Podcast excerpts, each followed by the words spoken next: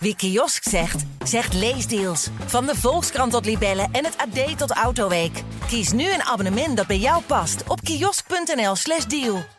En, ehm, want we hebben elkaar één keer eerder ontmoet. Ja. Eh, niet zo heel lang geleden. Dat was eh, in het eh, ziekenhuis. Ja. Want je bent baas van een ziekenhuis. Ja, op dit moment wel. Ja. Ik wissel nog wel eens van tak van sport, maar nu is het ziekenhuis. Ja. Haga ziekenhuis in Den Haag en het Lange Land ziekenhuis in Zoetermeer, die gaan, eh, die gaan samen als fusieziekenhuis. Ja. En daar eh, werk ik. En was je al eens baas van een ziekenhuis ja. geweest? Ja, ja, ja, tweede keer. De eerste keer was eh, ehm, in het Albert Schweitzer ziekenhuis in Dordrecht. In de periode 2010, 2015. Dat was de periode voordat ik bij ProRail aan de slag Ja. ging. Want van ProRail ben je ook de baas Van geweest. ProRail ben ik ook de baas geweest. Ja. ja. En je bent wel eens de baas van een politiekorps geweest. En de baas van de politiekorps geweest. Ja, dus je kunt je En van voorstellen. testen voor toegang.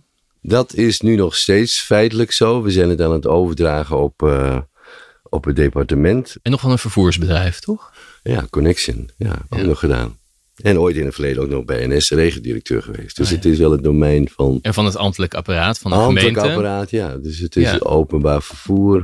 Maar ben jij, dan eigenlijk, bestuur. ben jij dan eigenlijk baas van beroep? Nou, mooie vraag. Hallo, fijn dat je luistert naar Stuurloos, waarin we het hebben over hoe wij Nederlanders een beter bestuur kunnen krijgen. Mijn naam is Gustav Bessems. Ik ben journalist en columnist en in deze podcast van de Volkskrant ga ik te raden bij mensen die daarover ons denken verder kunnen helpen. Deze keer iemand die dat besturen dus al bijna een werkzaam leven lang in de praktijk brengt, Pier Eringa.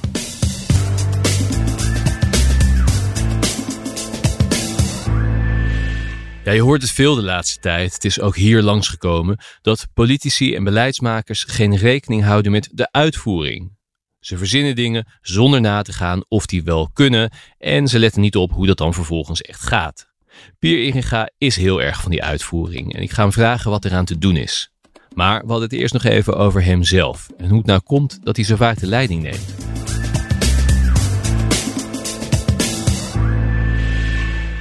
Ik ben de oudste van zes kinderen en ehm, wel veel verantwoordelijkheidsgevoel meegekregen. En eh, niet alleen. Ja, ja, ja, dus je verantwoordelijk voelen voor, dat zit er bij mij wel een beetje in. Oké. Ja, ja. Was je bij die zes ook een beetje de baas dan? Nou, het was zo. ehm, op de boerderij werkten mijn ouders allebei veel achter. En achter wil zeggen in het eh, gedeelte met koeien en zo. En dan eh, was het wel lekker als ehm, eh, in het voorgedeelte met kinderen en zo. Dat eh, mijn ouders er niet te veel gedonder en gedoe mee hadden. Dus dan werd ik ook wel snel aangekeken. Hou jij het daar rustig en eh, daar stellen we jou verantwoordelijk voor. Oh ja. dus, de, dus dat was wel vrij snel dat het daar gebeurde ook omdat ik de oudste was en ehm, op de boerderij waren wel handjes eh, nodig, ook van de kinderen. En toen we wat ouder werden, toen ik een jaar of 12, 13 was, toen zei mijn vader, ga jij maar aan de slag bij een buur, buurman of buurmannen, want je bent hier eigenlijk te veel. Dus werd ik ook wel vrij snel al buitenshuis aan het werk gezet. Oké. Ja. Ja, je zegt eh, zo tussen neus en lippen door de boerderij. Ja. Dat je ouders hadden een... Ja, melkveehouderij. Ja, Ja. dat ben jij niet gaan doen uiteindelijk. Wil ik niet gaan doen. Nee, maar mijn vader zei, word maar geen boer, want er zijn al eigenlijk best veel van. Dat zei hij in 1969. En als je kunt leren, eh, doe dan, ga dan vooral wat anders doen. Ja. Ja, En in deze dagen van stikstofcrisis Hoe en actueel. boerenprotesten... hoe actueel denk je nog wel eens aan dat advies van je vader? Ja, ja, mijn ouders voelden wel aan met, eh, met intensievere veehouderijen. Ze waren nog van de type, je gaat niet snel gras opnieuw inzaaien. En eh, je, eh, je- gaat niet snel te veel koeien op het aantal hectares ga je houden. Daar waren zij niet van. Maar ze zagen wel dat dat een beetje de wereld dreigde te worden. Dus Ja. dat, dat was dus toch een, denk ik, een boerengevoel. Gauw wel aan dat het, dat het te intensief werd. En Ja. dat, dat het gewoon te veel koeien kwamen op te weinig hectares. Want zij hadden die keus nog. Ja. Maar als jij erin door was gegaan, Ja. had je die keus misschien niet meer gehad, toch? Ja. Hey, en ik noem zo eventjes allerlei zaken op die je hebt eh, gedaan. Ja. Kan jij leiding geven aan maakt niet uit wat? Nou, ik kan leiding geven aan. ehm, eh, en eh, ik, ik, je zult mij geen organisatietermen horen gebruiken. Die heb ik eh, mezelf, met mezelf afgesproken. Die ga ik niet gebruiken. Maar dan toch eentje. Dus ik moet iets hebben met, dat noemen we in organisatietermen, het primaire proces. Dus de uitvoering. daar moet ik wel iets mee hebben. Dus als, ehm, stel je voor, er is, zijn grote problemen in een babyluierfabriek. En ze zoeken een hele wijze bestuurder of directeur voor een babyluierfabriek of van Coca-Cola. Dan zit dat wat verder van me af. En ik merk ook wel dat, dat heb ik tot nu toe ook steeds gedaan, dat publieke domein, dat trekt me wel. Dus, dus dicht op, op wat in die samenleving gebeurt, daar, daar ben ik op mijn best. Want zoveel mogelijk blikjes cola verkopen? Nee, nee, daar zit mijn voldoening niet. Sterker nog, ik weet dat het, kijk, als ik weet dat het ook niet heel gezond is om veel cola te drinken, dan uh, zal ik me daar nooit uh, voor kunnen inzetten. Nee. Dus het, Moet het nut hebben? Het moet nut hebben en het moet ertoe doen. Hey, en die afspraak om geen organisatietermen te gebruiken, ja. is dat een langlopende afspraak met jezelf? Ja. Of heb je die speciaal voor nou, vandaag uh, gemaakt? Nee, nee, nee, niet voor vandaag. Nee, nee, nee. In het Albert ziekenhuis kreeg ik van dokters, uh, dat was wel een mooie ervaring, uh, heel veel medische termen om de oren. En, en, en ja, ik kon die taal, die kende ik niet. En, en ik merkte ook dat, dat die dokters een hekel aan, aan organisatietaal. Medisch specialisten die vinden management en besturing, dat vinden ze een kunstje en geen kunde. Hè? Dus wat dokters doen is evidence-based. En wat die managers en bestuurders doen, dat is maar een kunstje. En, en, en die, die zijn allergisch voor taal eh, waarin processen, structuren en uh, transformaties en weet ik wat voor uh, begrippen wij dan gebruiken.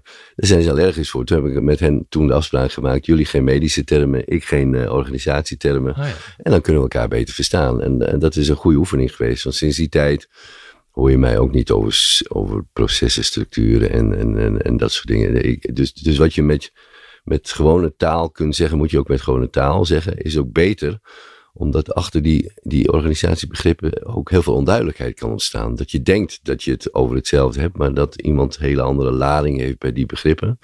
En ik vind het ook wel bijna iets hebben van het strooien met dat soort begrippen, alsof je dat iets oplevert. Dus eh, als mensen naar cursus zijn geweest, hè, je ziet het ook vaak, ik, ik zeg het ook tegen mensen die naar een managementcursus gaan, ik hoop niet dat je daarna terugkomt met allemaal ingewikkelde begrippen die ze je daar hebben geleerd. Want dat stoot eerder af dan dat dat bindt. Hè? Als je dan weer terugkomt bij de mensen in de uitvoering en die horen dat jij plotseling in een andere taal gaat spreken, dat, dat helpt niet. Dus als je dicht blijft bij de taal die je thuis hebt geleerd, dan is de kans het grootste dat je elkaar het best verstaat. Ja.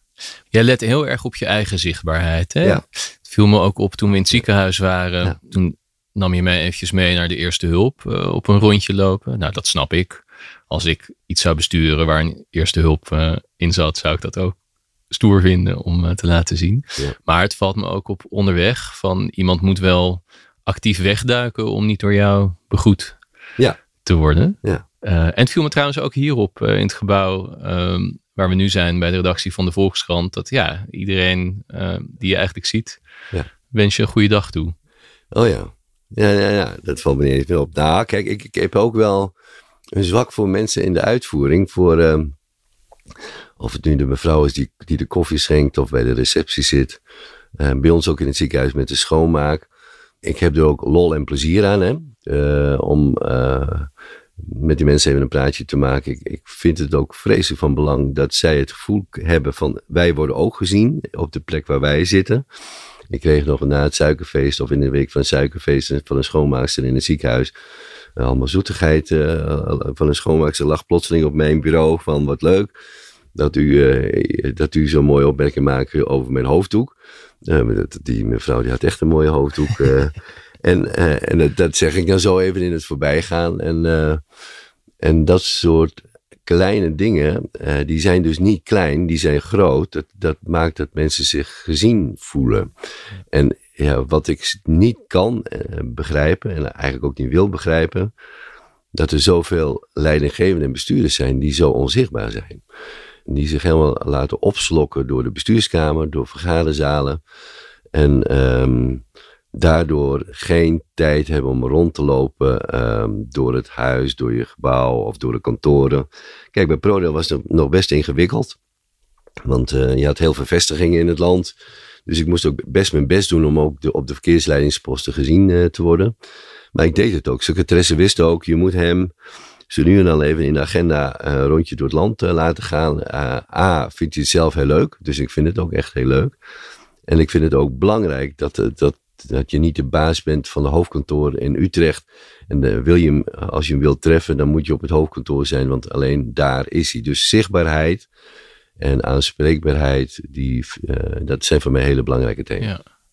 Maar het is wel begrijpelijk hoe dat gebeurt met leidinggevenden, toch? Want inderdaad, ze hebben het altijd te druk. Er is altijd veel meer te doen dan ze kunnen doen.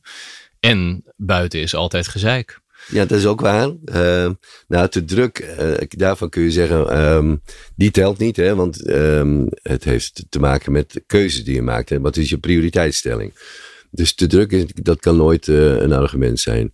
Als je zegt van ja, je krijgt gezeik, dat is wel een beetje zo. Hè, want je krijgt ehm, als je rondloopt, uh, wel vaak hele kritische vragen. En, uh, en uh, zo van waarom is dit niet geregeld en kun je dat niet doen? En daar moet je wel lol aan hebben om ook die aan te horen. En ook te durven zeggen van dit kunnen we nu niet oplossen. Soms moet je dat ook gewoon zeggen. Maar het geeft ook wel informatie um, over zaken waarvan ik denk, waarom lossen we dat niet gewoon op? Hè? Als nou in een ziekenhuis mensen 24 uur moeten werken en er is niet een fatsoenlijke koffie of ze kunnen buiten kantooruren de mensen die er werken niet even een, een, een gezond uh, iets eten of iets warms eten, dan vind ik dat we dat moeten oplossen. En dan zijn er natuurlijk altijd wel redenen waarom de facilitaire dienst zegt en mij uitlegt waarom het niet kan. Maar als ik dan proef um, dat het zoveel plezier kan geven en dat het, uh, het verschil kan maken, dan ga ik op enig moment ook zeggen van, weet je wat, ik heb besloten dat. En dan uh, dan gaan we het wel doen. Dus soms is het ook wel leuk om dan uh, vanuit die dingen die je dan hoort als ja. je rondloopt, vanuit de moeilijke vragen, soms ook dingen echt uh, meteen even op te soms lossen. zijn het dus betrekkelijk kleine dingen die soms een groot verschil kunnen dingen. maken. En, en, en, en, ik vind het wel grappig wat jij daar zegt. Dat je beschrijft het echt als iets wat je kan inzetten. Ja. Dan komt er een moment waarop jij zegt, ik heb besloten dat. Ja, want jij, ja, want die, jij... die, hebben, die hebben geleerd op een managementtraining trouwens. uh, uh, want soms moet je ook, uh, want die zit ook in taal, hè? Ja. Dat mensen ook, en die moet je niet iedere dag altijd inzetten. Maar soms moet je wel even duidelijk maken van, hier zit even geen ruimte voor onderhandeling. Maar jij wilde daar iets over vragen. Nee, nee, nee. nee. Dit, dit nou, ik vind het sowieso ook heel leuk om te horen dat je toch iets een managementtraining hebt nee, nee, maar, maar, kijk, maar, maar, die, maar die zit hem ook in taal. Dat ja. je ook duidelijk bent in van hier valt over te praten en ja. nou, hier, ga, hier gaan we eens naar kijken en daar gaan we eens naar kijken hoe kunnen we dit oplossen. Maar soms eh, aan het eind van bepaalde trajecten, en dat kan ook zijn met uh, de verdere samenwerking met iemand wel of niet, dat je ook tot een punt kunt komen dat je zegt ik heb besloten dat. Ja. Nee, ik vind het interessant dat jij dus bewust bent van dat gewicht. Dat je denkt van ja, dat moet je niet bij het minste of geringste nee. doen. Maar op een gegeven moment, uh, ja. je kan hem er af en toe ingooien. Ja, en, en, dat betekent ook dat je soms zegt in de organisatie tegen medewerkers van uh, ik heb besloten dat. En, en die is nog betrekkelijk makkelijk. Hè? Ja. En nou ja, de nieuwste tak van sport die ik bij ProRail toch wel heb ontwikkeld is dat je ook naar een niveau boven je kunt ja. zeggen van ik heb besloten dat om dat niet te doen. Hè? En, en die, dat is de oefening voor vergevorderden. Want dan moet je tegen je bazen, je opdrachtgevers, je, uh, je toezicht zeggen van dit doen we niet. Ja, dan, dan, dan kom je wel in, uh, in, een, in, een, in een moeilijkere oefening. Maar ik denk toch dat het belangrijk is om ook dat te doen. Ja. ja. In de voorbereiding op dit gesprek appte jij mij. En toen zag ik een blaadje ja. uh, met allerlei termen erop en ja. pijlen ja, en uh, rondjes. Wat, wat was je aan het doen? Nee, ik doe eigenlijk heel veel met voorbereiding. Mensen denken van hij praat makkelijk en uh, het lijkt alsof hij voor de vuist weg heel veel kan doen.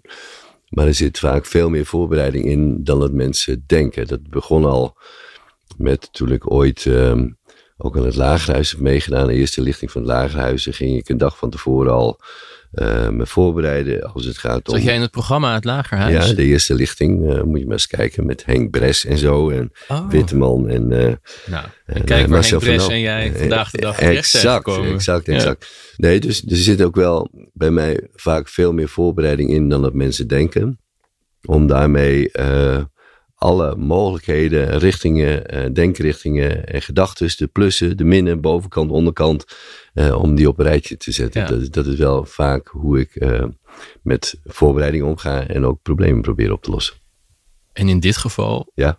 ging al dat plussen en minnen en voorbereiden eigenlijk een beetje over wat je net noemde. Ja. wat als je naar boven toe moet zeggen, ja ik doe het zo of ik doe het zo niet, toch? Ja, ik ben als eh, politieofficier opgeleid en toen. ehm, en er werd er ingepompt eh, als politieofficier. Je kunt wel een eh, grote vrouw of man zijn.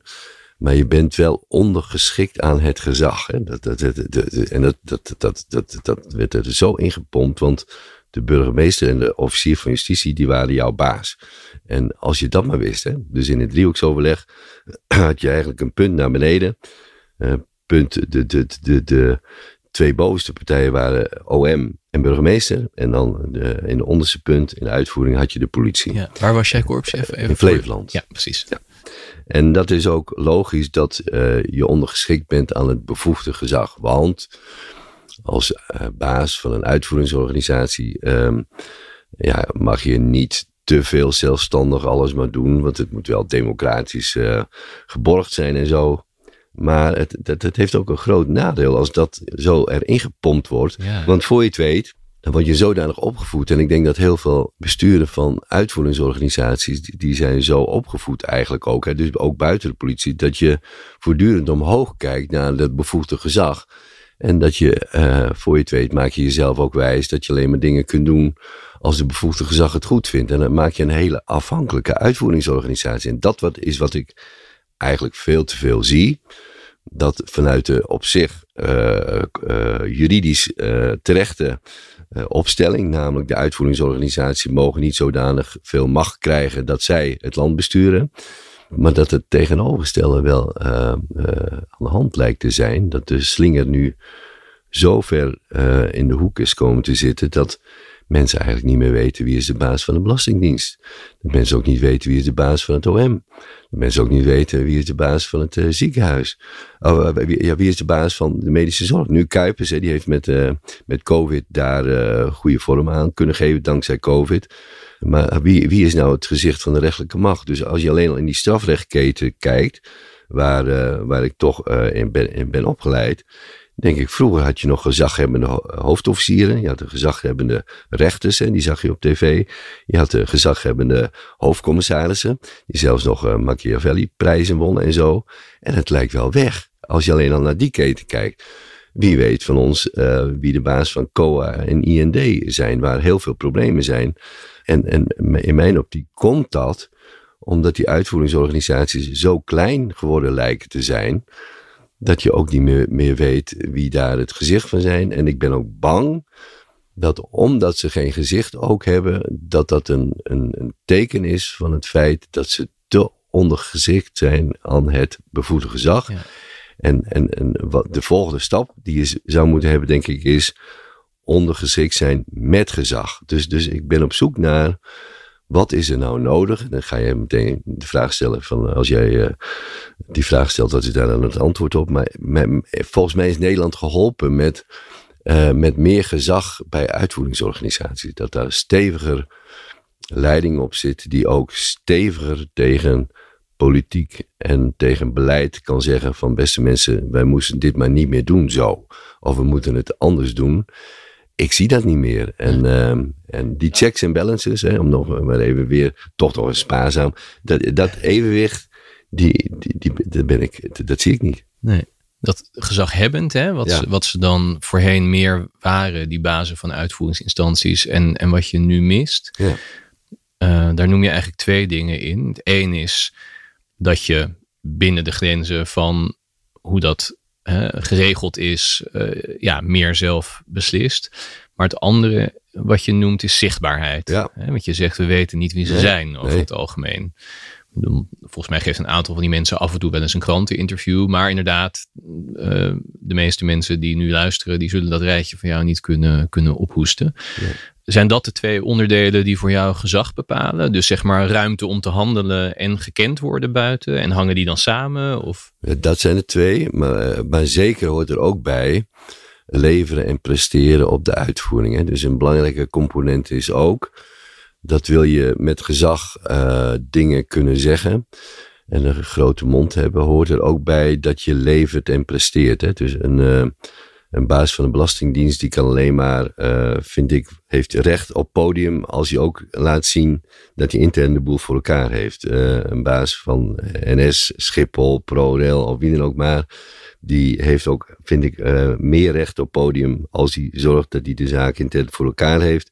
Een baas van de politie of het OM heeft ook meer recht van spreken als, als je dingen goed operationeel voor elkaar heeft. En, en, en daar zitten natuurlijk ook wel, kun je wat vraagtekens stellen bij hoe het gaat. Hè. Ik maak me eh, gewoon ook boos over het feit dat het OM laatst heeft besloten, uh, of zelfs de rechtelijke macht, om een heel aantal zaken niet meer in behandeling te nemen is zo slecht voor de geloofwaardigheid eh, naar het publiek toe. Ja, nou ja, en ook een aantal andere organisaties die je noemt. Ik bedoel, het COA, hè, de, de eh, asielopvang is nu officieel tot crisis uh, uitgeroepen, zelfs in een hele ongebruikelijke stap. Uh, de Belastingdienst zit in een aantal processen zo vast dat ze eigenlijk ja, hele normale dingen niet meer kunnen regelen. Bijvoorbeeld een uh, accijnsverlaging of zo, dat kunnen ze niet aan.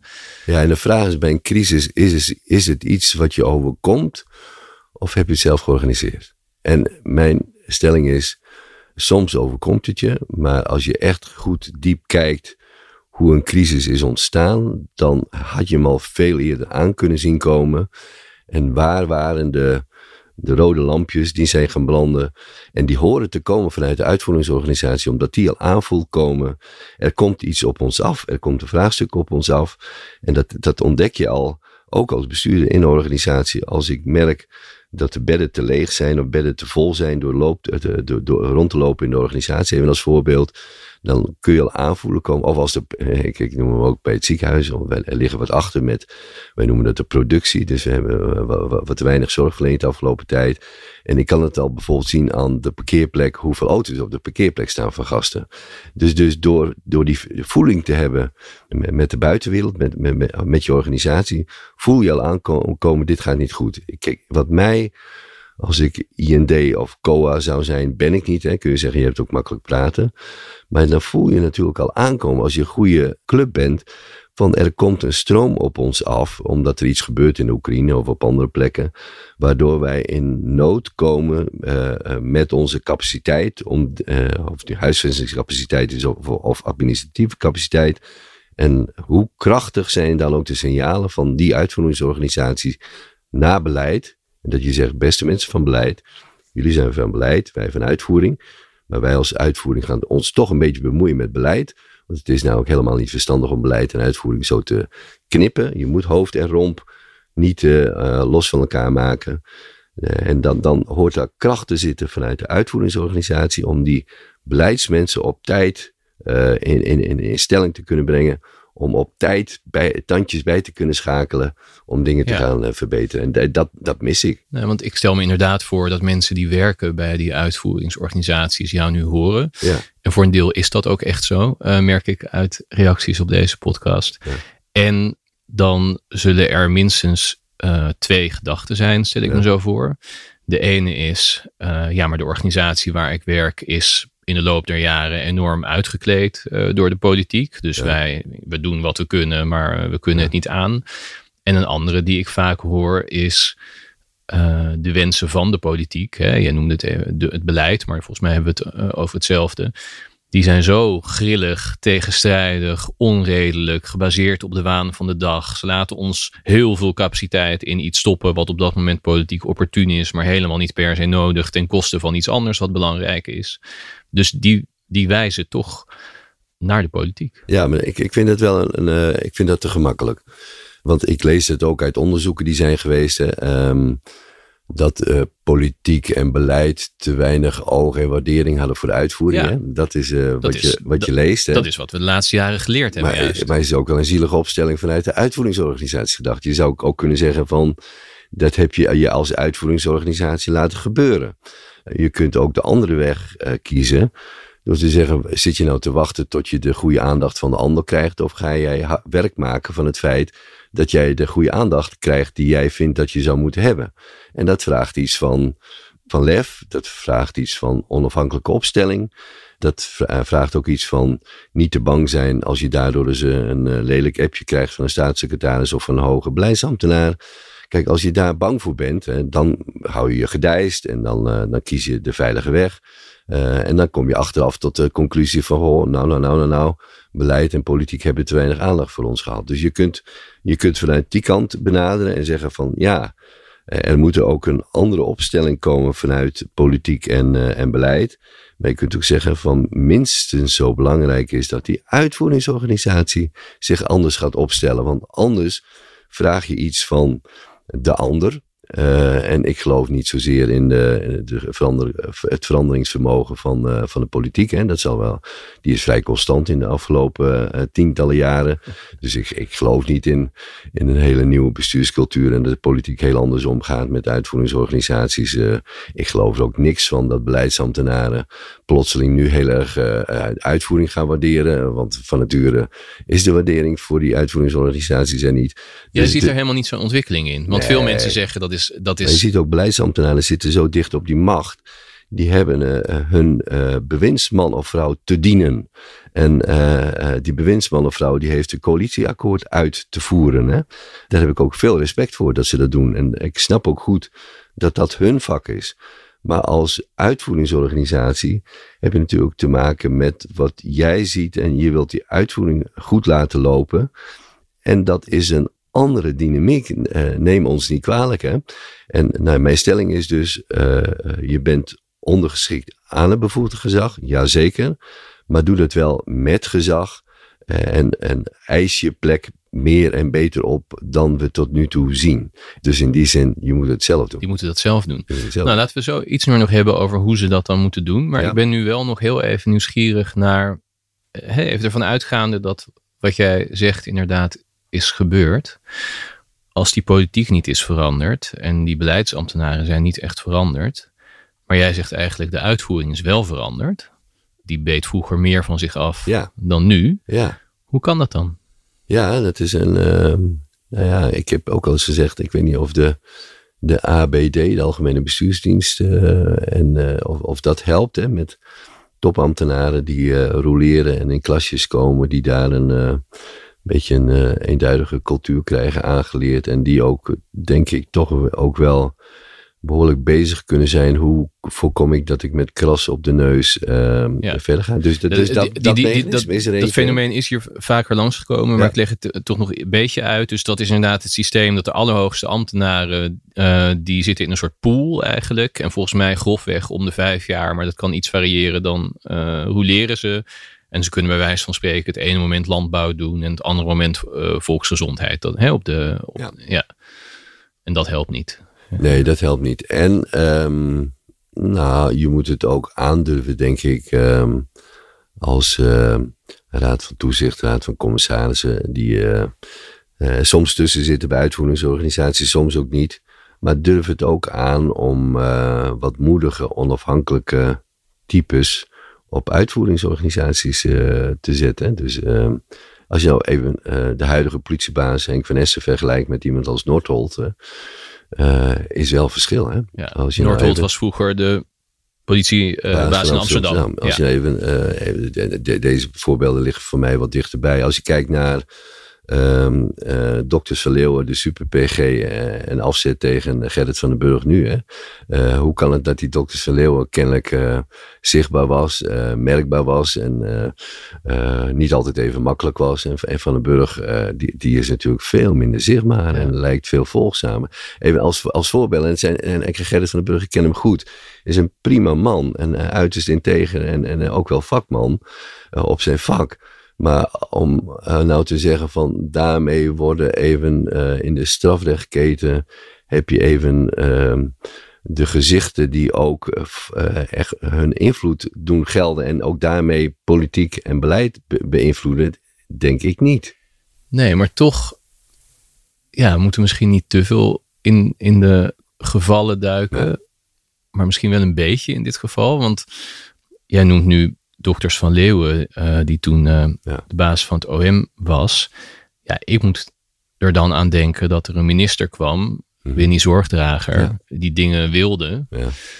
En dat er een soort opstand van de top van het OM kwam onder zijn leiding. En dat haar eigenlijk onmogelijk werd gemaakt om dingen door te voeren die zij, en zij heeft toch het democratische mandaat, niet hij, ja.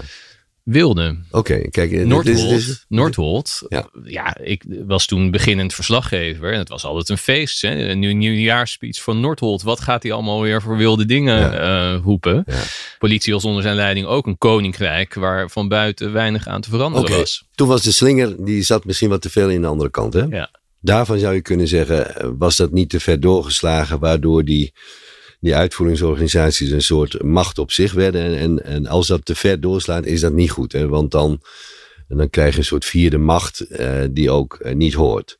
Maar mijn punt is dat het, dat het nu lijkt of, alsof die slinger helemaal aan de andere kant zit. Ja. Dus hij moet weer terug in, in de balans.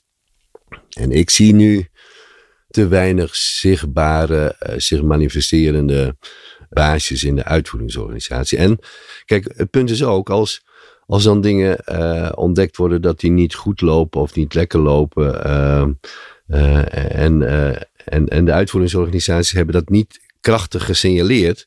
En dan blijkt plotseling op de weg dat er enorme onderhoud zit bij bruggen en viaducten en, en wegen en zo. Dat er plotseling heel veel geld meer naartoe moet. Dan zijn plotseling politici geschokt. Of als blijkt dat het te ver is gesneden in de financiën van Defensie. Eh, en dat, dat, dat ze veel, te diep zijn gesneden.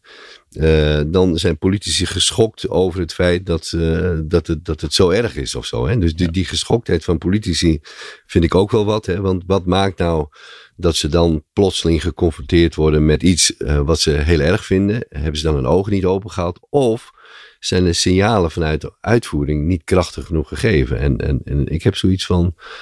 Uitvoeringsorganisaties die moeten in ieder geval heel scherp zijn geweest van als je deze politieke keus maakt eh, om dingen wel of niet te doen, dan is het gevolg daarvan dit. Ja. En dat je dus ook aandurft om ook wat minder populaire boodschappen te brengen die dan moeilijk zijn voor een bewindsman of vrouw. Hè? Want die krijgt er weer moeilijke vragen over. Van uh, we hebben gelezen dat en we hebben gehoord Ja. dat. Ik denk dat er een soort mechanisme is dat uitvoeringsorganisaties soms wel geluiden zouden willen laten horen. Of zachtjes door laten klinken. Maar dat die vooral niet te hard mogen zijn omdat de bewindsman daar last mee krijgt. Met als gevolg dat we vraagstukken niet oppakken die wel opgepakt Ja. moeten worden. Heb jij dit wel eens zelf aan de hand gehad? Dat je dacht, ik moet iets aankaarten, want ik kom er langs de binnenroute niet, eh, Ja, niet doorheen. kijk, wat de vriendschap tussen mevrouw eh, van Veldhoven en mij niet eh vergroten was dat ze kwam met een OV-plan, plan OV in Nederland eh 2040. En toen heb ik daar opmerkingen over gemaakt in de zin van eh, A, ehm, het lijkt te gaan over eh, OV- en treinplannen tot Zwolle en eh, tot, tot Deventer of zo, of tot Amersfoort en niet verder. Dus toen heb ik gezegd van vergeet de regio niet. Hè? Dus die regio moet beter aangesloten blijven op het OV. En de tweede opmerking die ik maakte is maak van 2040 naar 2030. Dus schuif het niet te ver naar achteren. Dus ik, ik, ik ging die ambitie een beetje opschroeven. Dus ik moet even iets weer context geven. Oh, Dit ja. was in jouw hoedanigheid van. Of een baasje van ProRail. En, Ja. en toen kwam er mevrouw een, van Veldhoven. was Was, de staatssecretaris. de en die, die, maakte een plan, eh, OV 2040. En mijn reactie da- daarop was van hij is te ver uitgesmeerd in de tijd en te weinig over voor de regio. Dat waren mijn opmerkingen. Maar ja, dat dat- zei je in het openbaar ook. ja, en maar dat, dat- dat was natuurlijk niet leuk. Want dan, je zou kunnen zeggen, zij had dat kunnen zien als van, nou fijn dat er nog een baasje in de uitvoering zit die zegt dat we eigenlijk nog scherper moeten. En kan mij ook helpen in mijn ambities. Maar werd gezien als, hij valt de staatssecretaris af. En, en, en zeg het dan maar, hè. ben ik dan degene die de staatssecretaris afviel door de ambitie scherper te willen hebben. En ook breder in de zin van niet alleen Randstad, maar ook regio. Dat werd mij bepaald niet in dank af. Hoe merkte je dat? Nou ja, dan krijg je natuurlijk eh, lelijke telefoontjes en appjes en Van de staatssecretaris zelf. ook, zeker. Ja. nee, dat, dat, dat, dat, eh, dat, dat maakt het niet vrolijk. En, En bereikt, en- en er, bereikt er iets mee? nou, uiteindelijk wel, want ehm, kijk, die, die tijdsambitie, die, ehm, je kunt niet een plan meteen van 2040 tot 2030 halen, maar de aandacht voor eh, snellere aansluiting van de regio, die is wel degelijk gekomen. Dus eh, ook meer aandacht voor beter openbaar vervoer en goede aansluiting van de regio. Die discussie is daarna wel eh, goed op gang En gekomen. had je zoiets dan eerst stilletjes intern Ja, geprobeerd? maar ook wel. Ja. Die, die is natuurlijk, je zit aan tafels en je zit in overleg en, en dan merk je gewoon dat komt daar niet sterk genoeg door. Ja. Of zo. Dus je moet, dat, je moet dat ook niet dagdagelijks en altijd doen. Nee. Nou ja, en een van de toonaangevende, of een van de toonaangevende, een van de wat herkenbare punten was natuurlijk dat, dat mensen bij ProRail zeiden, Pier, wij moeten af van die onbewaakte overwegen, want die zijn levensgevaarlijk. Treinen zijn sneller, stiller, ze komen vaker langs. Het, het- wij moeten af van die gevaarlijke dingen. En dat kregen we niet voor elkaar bij het departement. Die zei van, nou ja, het risico is, eh, op ongeval is nog steeds laag. Kost heel veel om die dingen op te ruimen. Dus helaas, pindakaas, wij maken daar geen geld voor vrij. Ja, en toen, en toen hebben we een aantal lelijke ongevallen kregen we nog op onbewaakt overwegen. En toen hebben wij als ProDel gezegd, eh we gaan stoppen hiermee. We gaan overwegen afsluiten. ehm, waar waarvan we juridisch weten dat, dat het makkelijk kan. En dat geeft natuurlijk wat ged- gedonder. En toen heb ik eh, op enig moment betonblokken geplaatst op eh, dat soort onbewaakte overwegen bij een paar. En toen zag je het sentiment, en, en dat is toch wel hoopgevend, want het departement was tegen. En toen we die betonblokken gingen plaatsen, toen gaf dat hele positieve media-uitkomsten. toen werd ik ook gefeliciteerd door mevrouw van Veldhoven dat het toch zo goed was dat ik had doorgezet. En toen heeft ProRail uiteindelijk de opdracht gegeven van, gekregen van het departement. Dat is dan ook zo aardig, hè? Als ProRail wil je graag die overwegen sluiten, en je mag het niet doen. Eh, En dan komt door zo'n actie en media-aandacht keert het tij. En vervolgens krijg je de opdracht van het departement om die dingen op te heffen. En nu is er een heel succesvol programma met het opruimen van onbewaakt En die betonblokken, Ja. eh, was je dan ooit echt van plan om overal betonblokken te plaatsen? Of was dat ook echt bedoeld om de aandacht te trekken? Nee, we hebben dat gedaan eh, op, eh, eh, dus het is aandacht, maar ook op eh, overwegen ehm, die al in de planning stonden opgeruimd te worden, maar eh, waar nog wat juridisch gedoe was. Is, is, eh, is daarna ook, zijn er meer overwegen geweest waar betonblokken zijn geplaatst, Ja. omdat snel het probleem moest worden opgelost eh, wegens het gevaar van die overwegen. Dus het is ook los van de symbolische werking is het ook daarna nog toegepast op overwegen die echt te gevaarlijk waren. En is niet eh, de juridische procedure afgewacht, maar gewoon om dat gezegd, te doen. dicht ja. die dingen. Want Maar je was misschien wel bewust van de symbolische waarde. absoluut. Nou ja, die symbolische waarde, dit, die, dat heb ik ook wel bij ProRail geleerd. Kijk, dan ga je ook even als uitvoeringsorganisatie mee in het spel, eh, wat ook gespeeld wordt door beleid en politiek. Eh, want ik kreeg natuurlijk ook wel het verwijt, soms ook wel van de bewindslieden, van Pier, jij zit politiek te bedrijven. Ik zei, nou ja, weet je, ik weet niet of ik politiek zit te bedrijven. Ik wil graag dingen voor elkaar krijgen. Dus je kunt ook teruglezen, met name in die ProRail-tijd, dat ik ging pleiten voor betere internationale lijnen. Eh, dus dat was al in 2017. eh, dat ik ging roepen, we moeten zorgen dat, eh, dat we betere internationale verbindingen en treinen, dat we dus die gaan maken. Dat we snellere verbindingen maken met Groningen en Enschede en Zeeland. En om dat voor elkaar te krijgen, helpt het wel als, eh, als het op zich inhoudelijk een goed idee is. Dat media dat ook vinden, want daardoor komen dingen op de agenda en Ja. daardoor veranderen ook dingen. En ik vind ook dat als de politie vindt eh, dat er te veel gestoorde mensen oh, in het wild rondlopen, waar de politie veel tijd aan kwijt is, waardoor ook lelijke incidenten plaatsvinden, dat die veel harder eh, ook het spel kunnen spelen. We moeten iets doen met verdwaasde eh, en, en, en, en, psychisch ongezonde mensen die zomaar vrij rondlopen. Want voor je het weet, hè, gebeurt er weer een incident op straat met waarbij iemand die psychisch in de war is, iets heel vreselijks doet. En dan raken politici Ja. weer, weer geschokt. hè. En, en, en meer dat spel spelen, dat is dus toch ook voor een belangrijk deel meer naar buiten treden, Ja. meer dat verhaal vertellen. Ja. Wat ehm, helpt, denk ik, is ehm, als ik politiek zou zijn of eh, beleid, dat je stevige eh, uitvoeringsbaasjes, mannen of vrouwen, vrouwen of mannen, daar neerzet. Die het toch ook aandurven om dingen te blijven benoemen die benoemd moeten worden. Hè. Dus Ja. je zou kunnen zeggen, zich bewust zijn van, je bent uitvoeringsorganisatie en je voert uit wat eh, beleid en politiek heeft bedacht. Maar ook niet te bang om tegenspraak eh, te geven. Dus wat ik een hele rare vind, dat iedereen de mond vol heeft over tegenspraak. En er moet meer tegenspraak, eh, Ja. het moet veilig zijn om te kunnen zeggen wat je wil zeggen. En, en in de praktijk gebeurt het nauwelijks. Nee.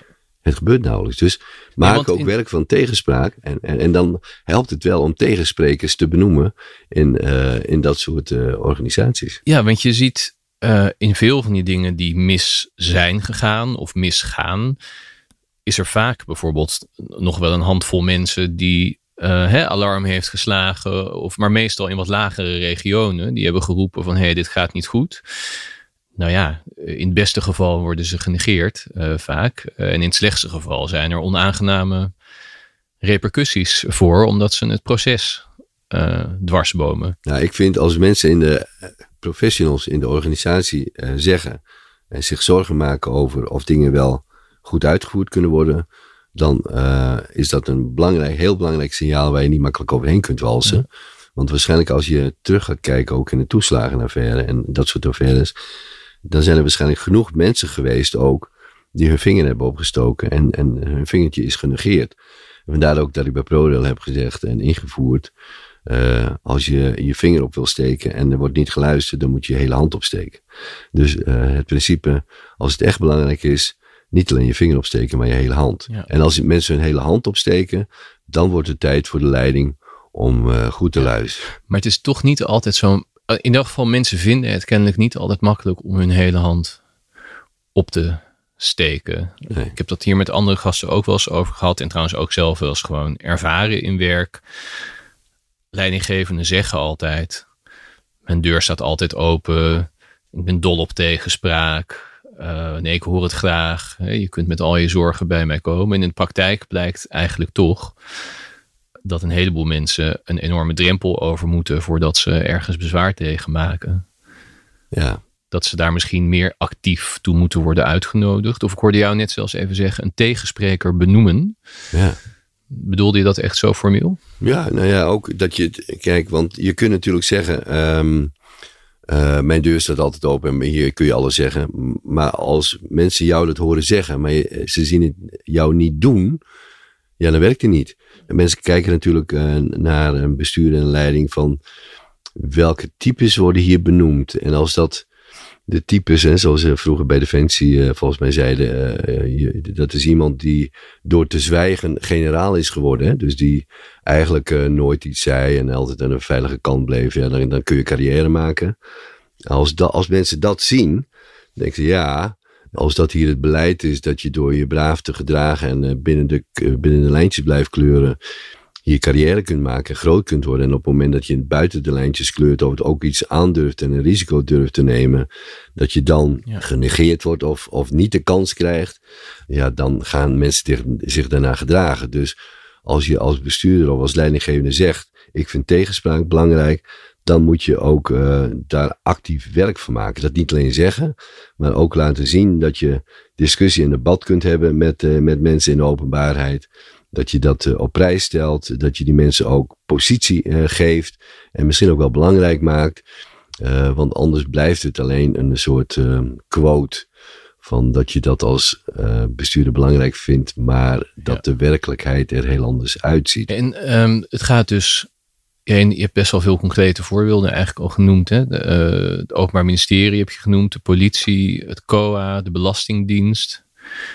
Nou, je noemde Schiphol even op zich kennen we de baas daarvan nu wel. Ik geloof dat onbekendheid in zijn geval uh, nee, niet meer het je probleem zou, is. Je zou natuurlijk willen dat je op een andere manier in de bekendheid Ja. komt. Hè? Ja. Nog meer, Rijkswaterstaat, eh, zeg maar wat. UWV. Of zoiets. Nou ja, kijk, je zou kunnen zeggen, als dan de um, geloofwaardigheid van de politiek laag is. Hè? Dus dat wordt gemeten ieder jaar. En je zou kunnen uh, vaststellen van het vertrouwen in de politiek en wat er ook allemaal speelt, is niet heel hoog. Dan zou het wel prettig zijn dat mensen wel het vertrouwen hebben en houden in de instituties, in de uitvoeringsorganisaties. Dus wat je eigenlijk zou willen, dat ondanks politiek en ondanks beleid, er toch iets zit van betrouwbaarheid en erop kunnen rekenen in die uitvoeringsorganisaties. En dan moeten die organisaties niet op zich, en die, die moeten niet onderdeel worden van discussie of uh, iets uh, zijn waar niet het vertrouwen in hebben dat ze dingen goed kunnen oplossen. Ik geloof niet dat die politiek uh, ook met een gewenste nieuwe bestuurscultuur, dat dat uh, op korte termijn er heel anders uit gaat zien. De gerichtheid van beleid en beleidsambtenaren op de politiek en de bewindslieden, die zal niet op korte termijn veranderen. En als die twee moeilijk veranderbaar zijn, dan moet je de verandering zoeken bij die uitvoeringsorganisaties. En vervolgens ook uh, je niet helemaal afhankelijk maken van beleid, maar ook denken van wij hebben ook kennis en kunde in huis die we kunnen inzetten om te zorgen dat het beleid op een goede manier wordt gevoed. Want als je nou kijkt naar het aantal ambtenaren wat zich bijvoorbeeld met spoor bezighoudt op een departement. En je kijkt naar het, uh, de spoordeskundigheid binnen NS en ProRail. Dan zit binnen NS en ProRail veel meer spoordeskundigheid dan het aantal ambtenaren wat je op een departement hebt. Dus hoe kan het dan dat beleid zou worden, moeten worden bepaald op zo'n departement. En dat je niet de uitvoerende clubs zoals NS en ProRail meer benut om uh, het te hebben over de toekomst van het spoor op dat gebied. En er zit, ik merk dat ik wel een beetje ongemak heb bij. Er zit ook iets in van het failliet verklaren van politiek of zo. Van, van de, ja, dat wordt toch nooit beter. Nou ja, ja, ja er zijn, landen, er zijn landen, landen waar het veel erger is. Hè? Uh, dus we moeten misschien ook maar zeggen van um, het is ook een beetje zoals het is. Hè? Kijk, ik, ik ben niet van de politiek. Ik werk wel met de politiek. Ja. En ik vind uh, hoe de politiek acteert met de versplintering en, en, en ook van partijen met hoe onderling met elkaar wordt omgegaan. Ja, maar dan praat ik even als burger van Nederland. Pff, uh, dat, dat stemt mij niet tot trots, toch? En uh, daar denk ik van, nou ja, maar goed, daarover niet klagen vind ik dan, hè? dat is een gegeven. Ja.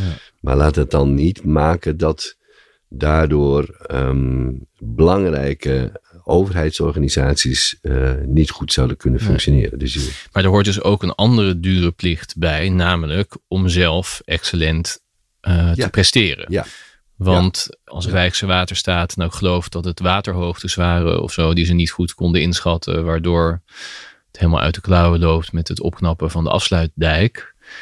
En dat is wat mensen meekrijgen van ja, als uitvoeringsorganisatie. Ja, dan kan je verder publiekelijk pleiten wat je wilt. Zo is het. Dus uh, adel verplicht, hè? Dus in die zin kan wat onzichtbaarder zijn en met de vinger naar politiek en beleid wijzen, kan ook wel comfortabel zijn. Zeker. Ik denk ook dat dat zo is. Ja. Ja. En, en daar wordt Nederland niet beter van. Nee, maar veel mensen houden wel van een comfortabel leven.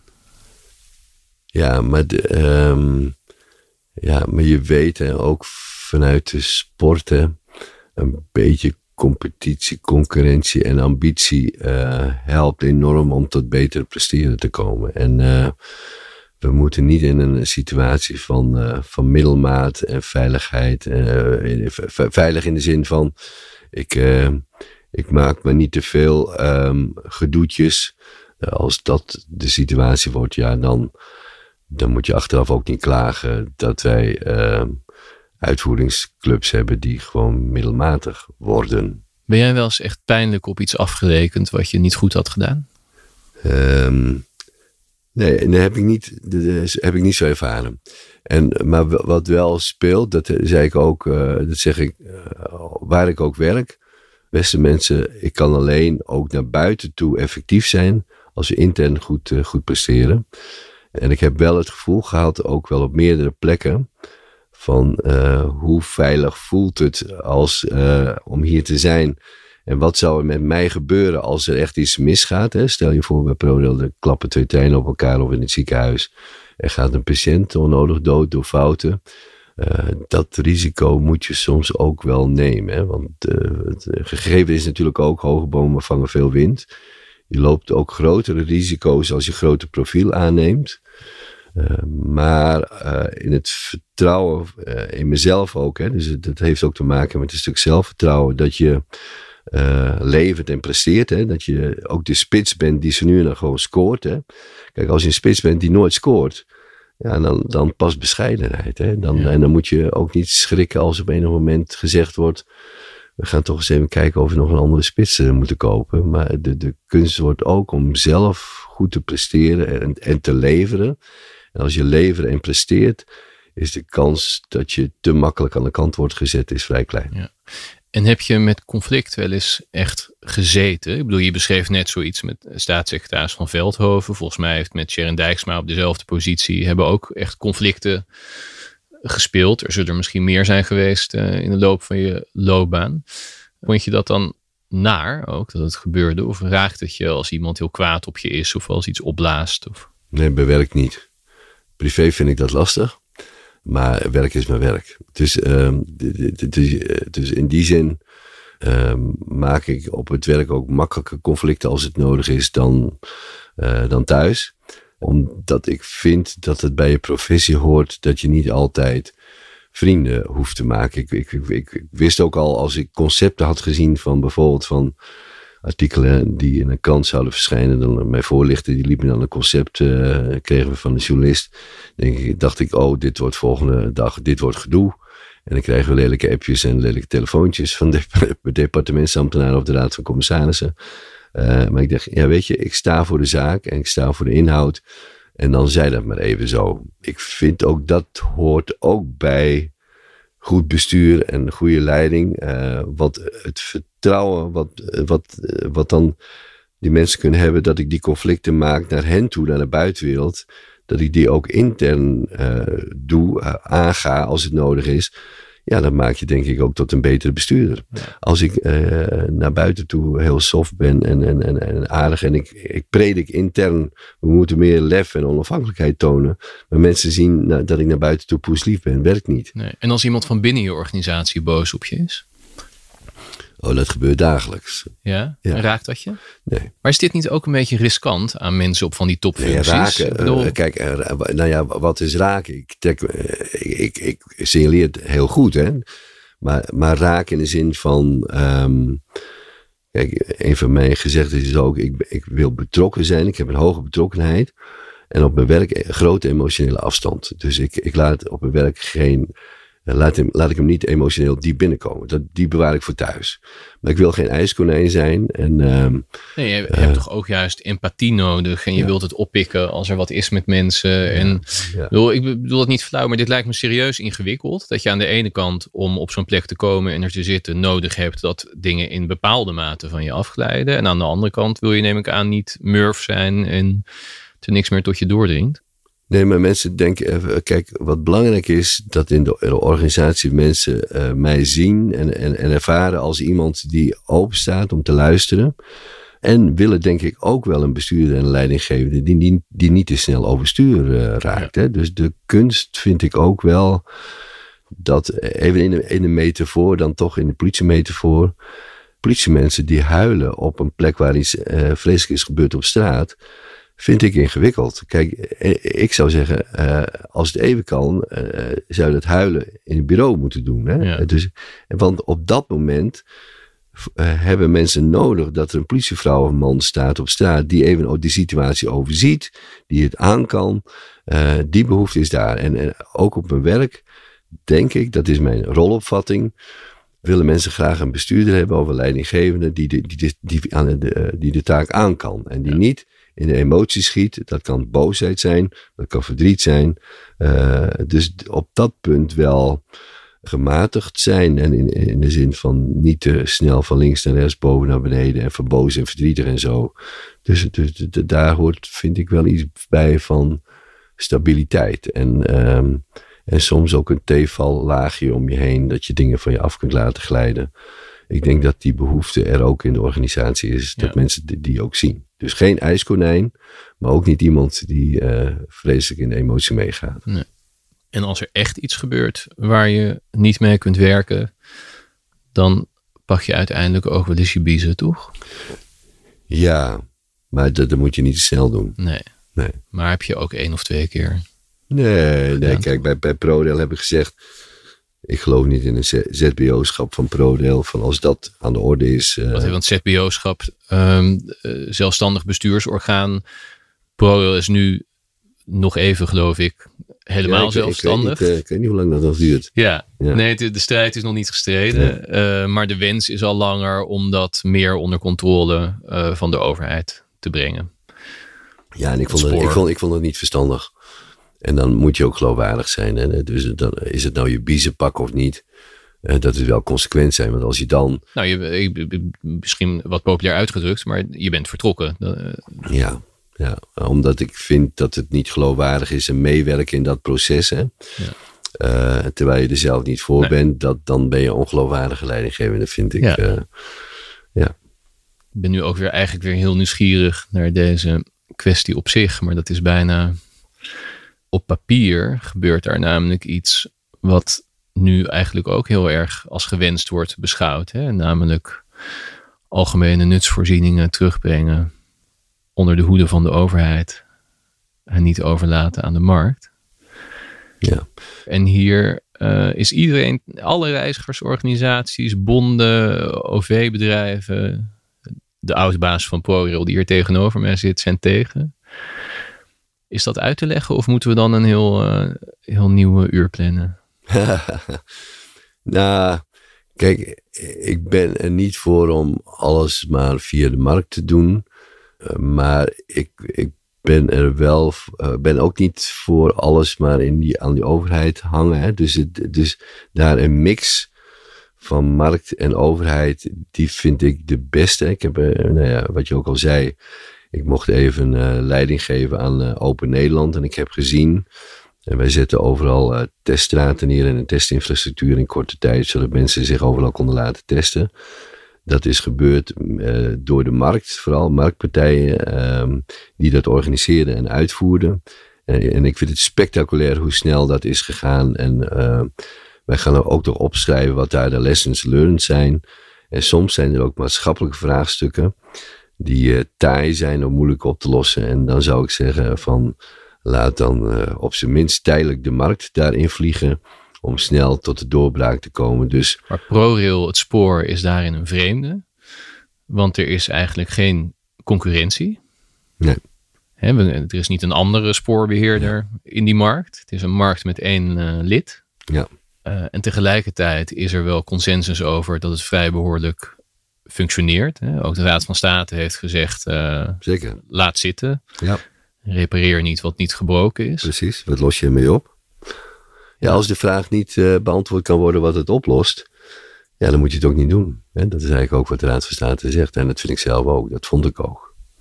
En ehm, kijk, ProRail heeft zich denk ik ehm, in mijn tijd, en daar heb ik een, bescheiden bijdrage aan geleverd, wat ehm, de prestaties zijn verbeterd intern, en maar ook de manifestatie van ProRail en de positionering ten opzichte van NS, de andere vervoerders, de aannemerij, maar ook eh, de politiek. Wat helpt is een wat zelfbewust ProRail die ook ruimte krijgt om dingen te vinden en te zeggen. En ik denk dat de ruimte om iets te vinden en te zeggen groter is bij een club eh, die niet te dicht op de overheid zit. Want naarmate je dichter komt op het departement en, eh, en, en de politiek, wordt je, is de kans groot dat je er onderdeel van wordt. Hè? En bij de politie zeiden we, bij de vorming van de nationale politie, loop je het risico dat de politie met het gezicht naar Den Haag gaat staan en met de achterwerk naar de, naar de wijk als metafoor. En verdorie, het lijkt ook nog een beetje te zijn. Hè? Ja. Dat, dat, dat, dat, dat, dat, je je dan toch richt naar de macht. En terwijl je zou kunnen zeggen, je, je moet je richten naar waar je voor bent, waarvoor je bent besteld. En natuurlijk eh, met, met, met respect eh, eh, voor het gezag en voor Den Haag. Maar de gerichtheid moet zijn op het oplossen van maatschappelijke vraagstukken. Maar hier zit dus een enorme spanning tussen twee risico's. Eén risico, en eh, daar is het in deze serie eigenlijk best vaak over gegaan, is uitvoeringsorganisaties zitten op grote afstand. Eh, de overheid kan daar weinig in sturen, gaat dat dan uiteindelijk toch doen met allemaal regelgeving. eh, hè, waardoor je steeds meer regels krijgt en die uitvoeringsorganisaties worden verlamd. De conclusie die daar vaak uit wordt getrokken is: breng ze weer dichter bij de overheid, maak de aansturing directer en dan heb je niet dat woud aan regels. Maar jij beschrijft eigenlijk ook wel een groot risico daarbij. Breng uitvoerders dichter bij de overheid. En je krijgt nog minder die zelfbewuste uitvoeringsorganisaties die jij wilt, Exact. die weerstand durven bieden. Exact, exact. En ik denk dat de, de afstand tussen uitvoerings- en eh, overheids, eh, zeg zeg maar beleid en politiek. De vraag is, moet je die dichter door overheid, of die uitvoeringsorganisaties dichter bij de overheid te halen? Of zeg je van nee, A, moeten die beleid moet zich, moet zich voegen, meer richten op die uitvoeringsorganisatie om daar de kennis en de kunde die daar zit beter te benutten. En ik vind ook dat uitvoeringsorganisaties zich meer moeten richten op ook uh, beïnvloeden van beleid, het voeden van beleid. Ja. Zodat op die plek de goede dingen gebeuren. En dan zit het veel meer op een gerichtheid en op elkaar goed aangesloten zijn. Dat, dat je dat in de structuur denkt op te lossen. Uh, hoe dichter bij Den Haag, dat dan alles beter gaat. En daar... Dus niet per se formeel alles dichter bij elkaar brengen, maar inhoudelijk. Ja, ja zo is het. Oké. Ja. Zo is het. Vind ik dan. Ja. Maar, nou, heel hartelijk dank dat je er was. Graag gedaan. Dankjewel voor het luisteren naar Stuurloos, een podcast van de Volkskrant. Vond je het de moeite waard? Deel deze podcast dan. Met je vrienden, met je familie, op sociale media of geef ons een hele hoge waardering in je app of een mooie recensie. De gast was dit keer Pier Eringa. En als je in die podcast-app abonneert, dan krijg je een bericht als de volgende aflevering er is. Stuurloos maak ik met Rinky Bartels onder eindredactie van Corine van Duin. Tot de volgende keer.